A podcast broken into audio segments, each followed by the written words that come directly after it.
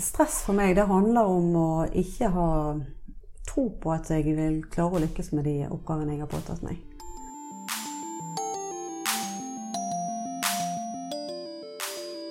Hei og velkommen til en ny utgave av Sykepleiens podkast, som denne gangen skal handle om stress. En sykepleiers hverdag kan mildt sagt være krevende, med underbemanning og tøff turnus, tid som aldri strekker til og bekymringer for pasienter, andres lidelse og død tett på, og omorganiseringer og nye krav fra ledelsen. Det er ofte slitsomt, fullstendig utmattende til tider, men er det helsefarlig? Det kommer veldig an på, mener stressforsker og sykepleier Anette Harris.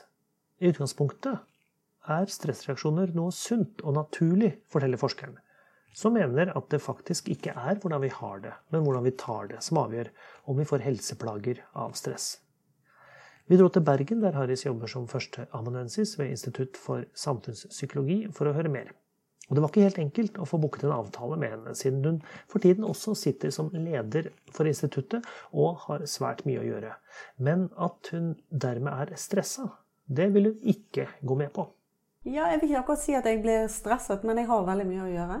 Det har jeg. Akkurat nå for tiden så har jeg en dobbeltrolle. Jeg har min rolle her som eh, førsteamanuensis, og så er jeg også leder for instituttet.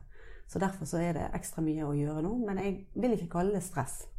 For jeg mener at eh, begrepet stress skal ikke vi bruke på den måten. Hva er stress for deg da? Hvordan definerer du det? Nei, stress for meg det handler om å ikke ha tro på at jeg vil klare å lykkes med de oppgavene jeg har påtatt meg. Eh, så hvis jeg har en negativ forventning til utfall, at jeg ikke tror at utfallet vil bli bra, så tenker jeg at da vil jeg bli stresset. Men for min del så handler det om at jeg trives med jobben min, jeg trives med arbeidsoppgavene. Jeg vet at jeg har tatt på meg for mye, men jeg vet at det er en kortvarig periode. Og da tenker jeg at eh, da har jeg tro på at dette er noe jeg vil komme i mål med. Og da vil jeg, vet jeg at da vil min stressaktivering ikke bli for høy. Og dette er ikke noe som du bare bruk, eh, bruker i personlig takling av jobben, det er også noe du har eh, forsket på. Og det er en teori som du bruker, som du har forsket på, som heter kognitiv aktiveringsteori for stress. Cognitive Activation Theory of Stress på mm. engelsk. CATS. Kan du Ja. fortelle om den? Ja. Det er en teori som er en kognitiv teori. Det ligger i navnet.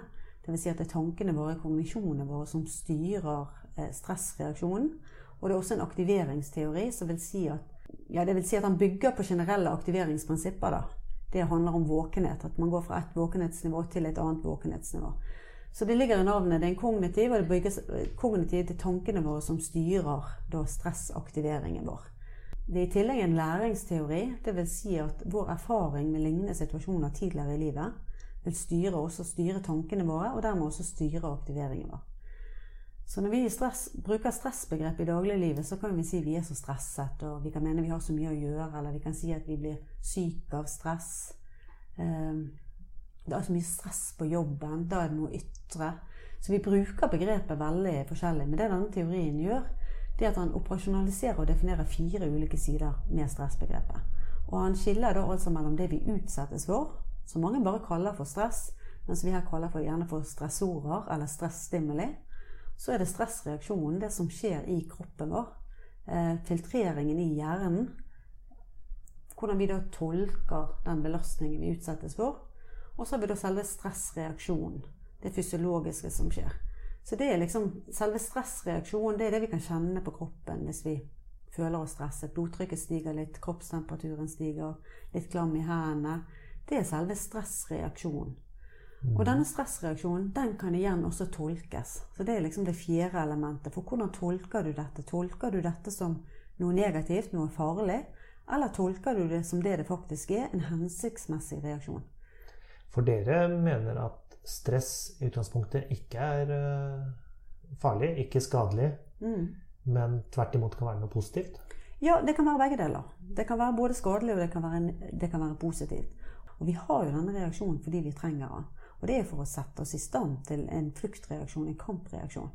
Så det å tenke at stress er negativt, det blir veldig feil. Fordi at når jeg utsettes for en belastning, så er faktisk hele stressreaksjonen det er kroppens måte å gjøre meg i stand til å håndtere den belastningen jeg utsetter meg selv for. Så når jeg nå f.eks. har valgt å påta meg en masse ekstra arbeid i et par måneder, eh, ja, så får jeg litt ekstra hjelp jeg, av disse hormonene i kroppen min til å håndtere det. Og det er ikke noe farlig. Du kan være så høyt oppe du vil hele dagen på adrenalin og på kortisol, som vi gjerne måler, derfor det som har vært mest populært og mest brukt de siste årene. Så kan du være høyt oppe hele dagen, men du må komme deg ned igjen. Så det er liksom dynamikken i dette her som er viktig. Mhm. Så jeg tenker at det å ha mye å gjøre i løpet av en dag, det er helt greit så lenge jeg kommer meg ned igjen. For hva skjer hvis ikke du kommer ned igjen og du får eh, si, vedvarende Ja, eh, stress, og ikke ser en vei ut av det? Nei, Hvis du da får det som vi kaller det for en sånn vedvarende stressreaksjon, så vil du få helseplager. Mest sannsynligvis vil du komme inn i en sånn negativ spiral eh, hvor det baller på seg, og de fleste da kan bli syke av det og falle ut av arbeidslivet. Hvordan kan de da bli syke? Hva slags lidelser er det vi Nei, snakker om? egentlig så er det, det, det korte svaret det er alt. Mm. Eh, For det vi, det vi ser at de som eh, Om det er noe pga. store belastninger over tid Jeg vil ikke kalle det stress, for det, jeg synes det er bedre å si at ok, hvilken belastning har det vært? Har det vært en familiesituasjon? Har det vært en situasjon på jobben? Altså, hva er liksom den spesifikke stressoren? Men har man vært utsatt for eh, vedvarende stressbelastninger, og man har hatt en sånn vedvarende stressreaksjon over tid, eh, så får man helseplager. Og det er de vanlige. Vi kaller det for subjektive helseplager. Muskel-skjelett er jo det vanligste. Lettere mentale lidelser. Angst, depresjon, søvnproblemer. Eh, trøtthet. Ja, det, det, og det vi ser, det er at de som har disse plagene, de kan komme fra ulike organ. De som faller ut av arbeidslivet, de har alle plagene. Så det er en sånn ekstrem komorbiditet. De som er plaget med mye vondt i magen, de har også hodepine. De har også muskel-skjelettplager. På sykemelding så så det gjerne bare én ting. Men hvis du spør disse pasientene, så viser det seg at de har eh, hele listen, faktisk. Mm. Og det tenker vi ut ifra teorien, da, så tenker vi at det handler i stor grad om en eh, sensitivisering. At man da har vært utsatt for eh, stressstimuli over lang tid. Det kan skje en kognitiv sensitivisering. Vi vet ikke akkurat hvordan dette her skjer i forhold til den vedvarende stressreaksjonen, da, men noe av det handler om at hvis man bekymrer seg, eh, man frykter de, den, de symptomene som er i selve stressreaksjonen, f.eks. blodtrykk eller klam og svett eh, Ja, de, de kroppslige reaksjonene. Hvis man frykter de, så vil de igjen påvirke hjernen. Så du blir bekymret, så får du ikke den nedreguleringen. Så påvirker det kanskje i første grad søvn. Enten at man forskyver døgnrytmen, at man ikke klarer å stå opp og legge seg til de tidene man vanligvis gjør. Eller at man eh, rett og slett får dårligere søvn. Sover mindre. Eh, og så kommer kanskje de andre plagene etter hvert. Men akkurat hva som kommer først og sist, det vet vi ikke. Men vi tenker at et mål på en vedvarende stressaktivering eh, kan, være, kan være relatert til søvn. Og det har vi også sett i en del av forskningen vi har gjort. At høye stresshormoner om kvelden, f.eks. har du høyt kortisol om kvelden, så vil jo det selvfølgelig påvirke søvnen din. Og der har vi også forskning som viser at da har man gjerne dårligere livskvalitet, man har mer muskel-skjelettplager. Mm. Og det var vel i en studie hvor vi eh, undersøkte blant uh, helsearbeidere som Mm. jobber på sykehjem. Da. Det er jo en del sykepleiere som Mm. oppgir å være plaget av Mm. stress. Uh, mange steder er det høyt sykefravær. Mhm. Noen kan jo finne det ganske provoserende hvis de da får beskjed om at det er ikke hvordan du har det, men hvordan du tar det, som eh, er årsaken til at du blir dårlig. Ja, og den, og den ser jeg. Og når vi, når vi sier det at det ikke er hvordan du har det, men hvordan du tar det, så det refererer vi da til selve stressreaksjonen. For det som styrer denne stressreaksjonen, så sier vi har en filter i hjernen hvor, vi, hvor all stimuli blir filtrert. Så de belastningene vi utsettes for, de blir filtrert i hjernen, og der har vi, da kan vi da enten ha en forventning om at dette vil vi klare. Vi har ressurser til å håndtere den utfordringen vi står overfor. Det er det vi kaller mestring. Eller vi kan tenke at ok, dette går som det går, jeg kan egentlig ikke kontrollere det. Hjelpeløshet. Eller siste alternativet, eh, det går til helsike uansett hva jeg gjør. Og det er faktisk min skyld at det går galt. Så dette går galt, utfallet blir negativt, og det er min skyld. Med en gang man legger inn dette elementet av skyld, eh, så vi tenker defineres da som håpløshet i denne CATS-teorien, da er vi ganske nært opp til en klinisk depresjon. Og det som er med disse forventningene våre, at de styrer selve stressreaksjonen. Og vi har mye forskning som viser det. At har du tro på at du vil lykkes, har du tro på at du har nok ressurser til å håndtere belastningen, så får du den nedreguleringen om kvelden. Og da får du den søvnen du trenger. Og da kommer du tilbake Da, da kommer du ned igjen, og du får en, en sirkel hvor du da gjerne er høyt aktivert på dagtid, men du går ned igjen om kvelden. Du sover godt, du er høyt aktivert igjen på dagtid, og går ned igjen om kvelden. Og dette, dette er et sånt system er laget for å fungere. Men hvis dette varer over tid, så mister man den, kanskje den dynamiske evnen. Mm. Sånn man, man, klarer ikke når man blir utsatt for en stressreaksjon, å skille ut nok kortisol til å møte den belastningen. Man får rett og slett ikke den boosten som skal til for at du i neste omgang skal kunne dempe reaksjonen. Og da får man det vi kaller for gjerne en litt sånn høy, flat stresskurve. At du våkner om morgenen og er litt høyere, og så reagerer ikke du like mye dynamisk opp og ned når du utsettes for belastninger. Og det, det, det vi tenker da, er da en vedvarende stressreaksjon, som da er forbundet med helseplager. Og i og med at det er forventningene dine som styrer denne nedreguleringen, så sier vi at det er ikke hvordan du har det, men hvordan du tar det. Rett og slett fordi at du kan styre det med tankene. Men det er jo lettere sagt enn gjort. Hvis man jobber på en avdeling hvor det er eh, kronisk underbemanning, mm. og man ser at det vil være økende sykepleierunderskudd, mm. og bemanningskrise i fremtiden. Hvordan skal man da se at dette er midlertidig og ikke og, Eller se at dette er noe jeg kan gjøre noe med? Nei, og, og, og den situasjonen ser jeg, og det er en, det er en kjempeutfordring. For det hjelper, ikke, det hjelper ikke bare å tenke positivt. Det er ikke sånn at den teorien sier 'tenk positivt, så går det bra', liksom. Ha tro på at det går bra, så går det bra. Eh, da kan det hende at du tenker positivt og løper mot veggen, og så kommer veggen plutselig smelt i deg, og da har du mye rett og slett større fart i det du løper i veggen. Så det er ikke sånn at vi bare kan tenke positivt, så går det bra. Det er det ikke. Og jeg har full forståelse for at sykepleiere som har en travel hverdag, hvor rammene er satt av andre, eh, ikke, ikke, vil kunne klare å, å nedregulere seg. Men, men, det er ikke noen annen måte å gjøre det på.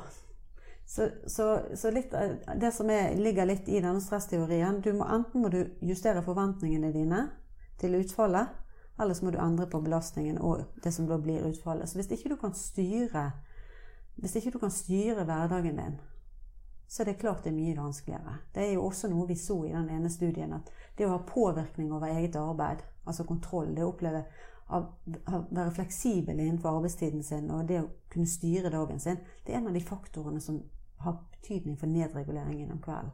Og det er klart sykepleiere er Pasientene er prisgitt sykepleierne. Og du har gjerne 20 pasienter du skal innom i løpet av en vakt.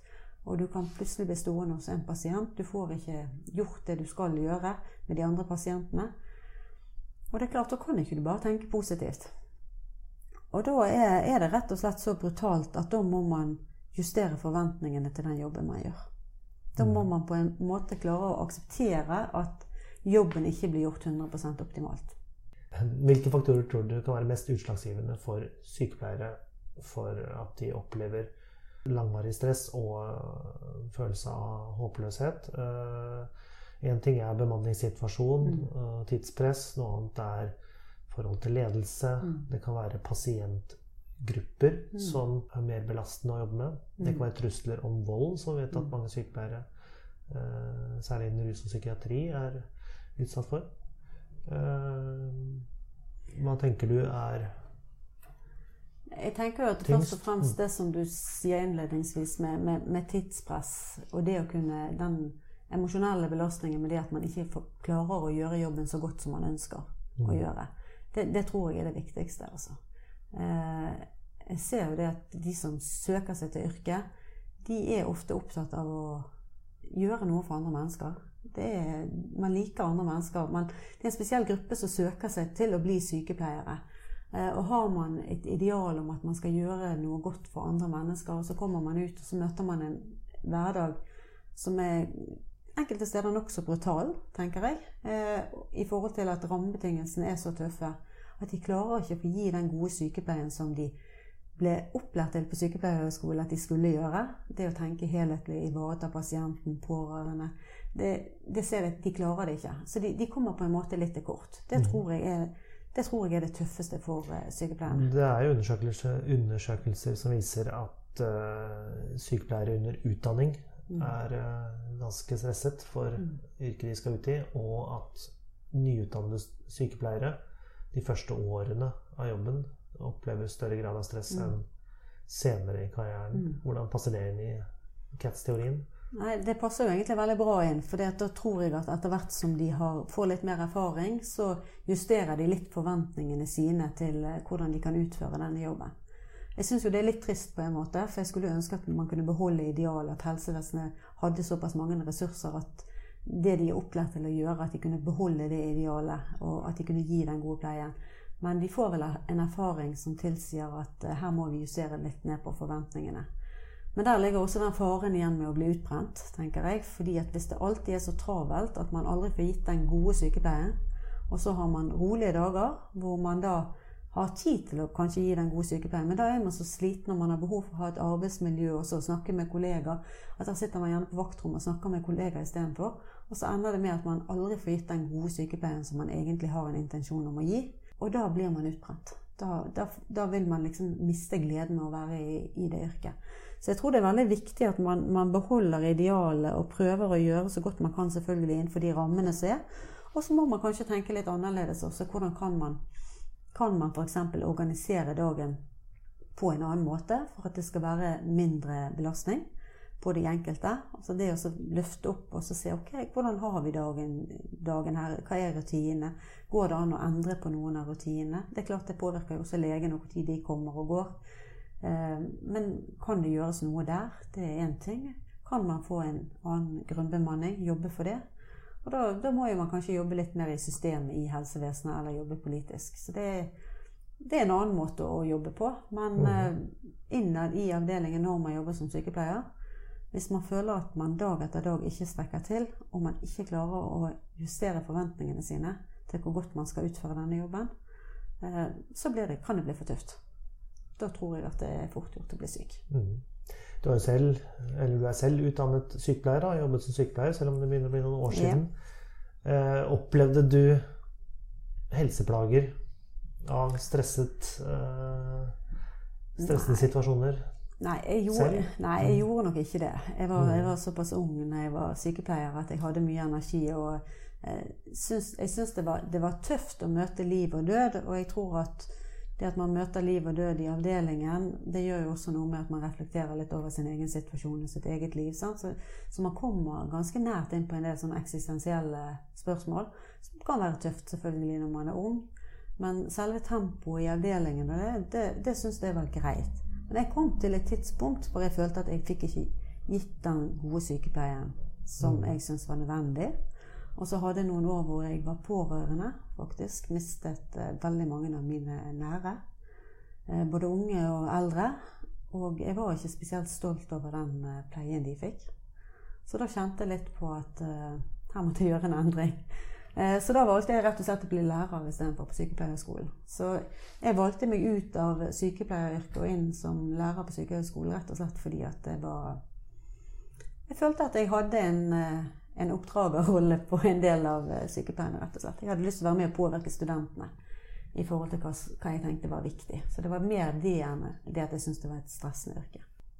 Jeg tenker på det du sa om at det er først når det blir varig at uh, man får helseplager. Men man kan jo kjenne seg veldig ødelagt etter én dag med stress. Man kan få voldsom hodepine og, og stive skuldre. Og det er en ekstremt individuell toleranse for hva som er stress. Og det handler jo om hva forventningene og erfaringene er så forskjellige. Sant? Det jeg tenkte var helt greit når jeg jobbet som sykepleier, jeg, synes, jeg, tenkte aldri at det var stress, men eh, jeg kjente på det at jeg ikke fikk gitt den gode sykepleien som jeg hadde lært at jeg skulle gi når jeg gikk på sykepleierutdanningen.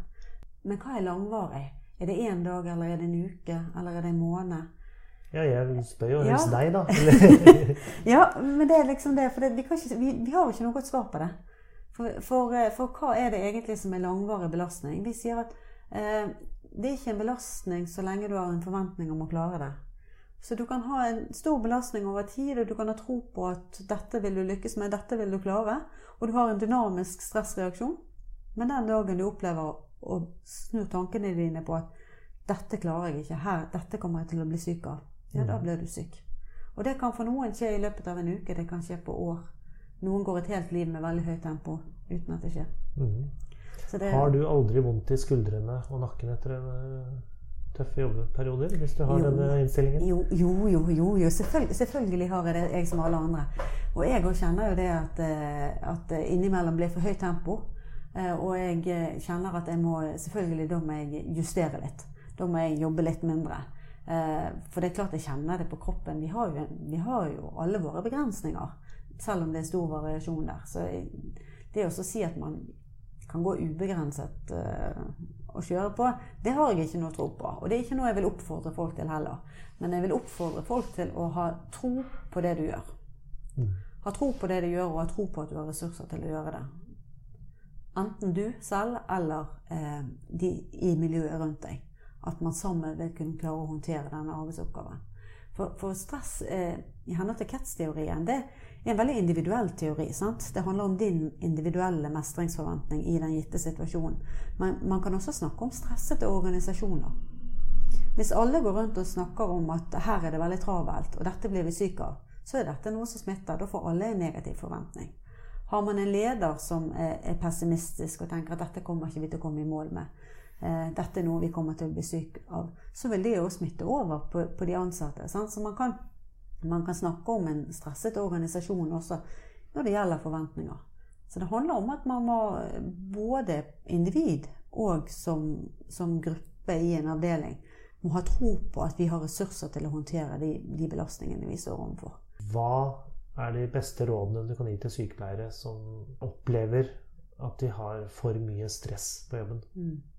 Det første rådet jeg vil si, det vil jo være å sørge for at du er i god fysisk nok form til å håndtere belastningene. Jo bedre helse man har i utgangspunktet, jo mer vil man tåle. Så generelle stressråd det er gjerne å være fysisk aktiv og spise sunt og ha en relativt sunn livsstil. Det neste jeg vil si er viktig, det er å prøve å holde en fast døgnrytme. Det er vanskelig for sykepleiere. Sant? Og det, der kommer akkurat den stressfaktoren inn med arbeidstidsordninger, som kan gjøre det veldig vanskelig. Men det å få en arbeidstidsordning som passer din, dine preferanser, er viktig. Sånn at du i hvert fall, sørg i hvert fall for at du får nok søvn. For da tåler man, da tåler man mer. Ellers så tenker jeg at man må eh, ha tro på at man gjør en god jobb. Man må ha tro på at eh, man klarer å gi pasientene det de trenger. Så vil det være med å påvirke stressaktiveringen. Det er klart det finnes stressmestringskurs som kan eh, hjelpe deg å regulere i forhold til eh, stressaktiveringen når du kommer hjem fra en seinvakt f.eks. Det kan være pusteteknikker, det kan være mindfulness. Det er vel enten det er mindfulness å være til stede her og nå, eller avspenningsteknikker for å stresse ned, sånn at man får den gode søvnen. Det kan være et godt råd.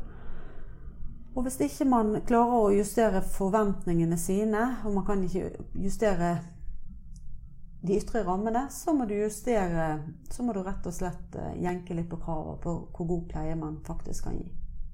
Det vil sitte langt inne for mange. Og hvis ikke man vil jenke på de kravene, da tenker jeg at da må du kanskje finne deg en annen jobb i helsevesenet.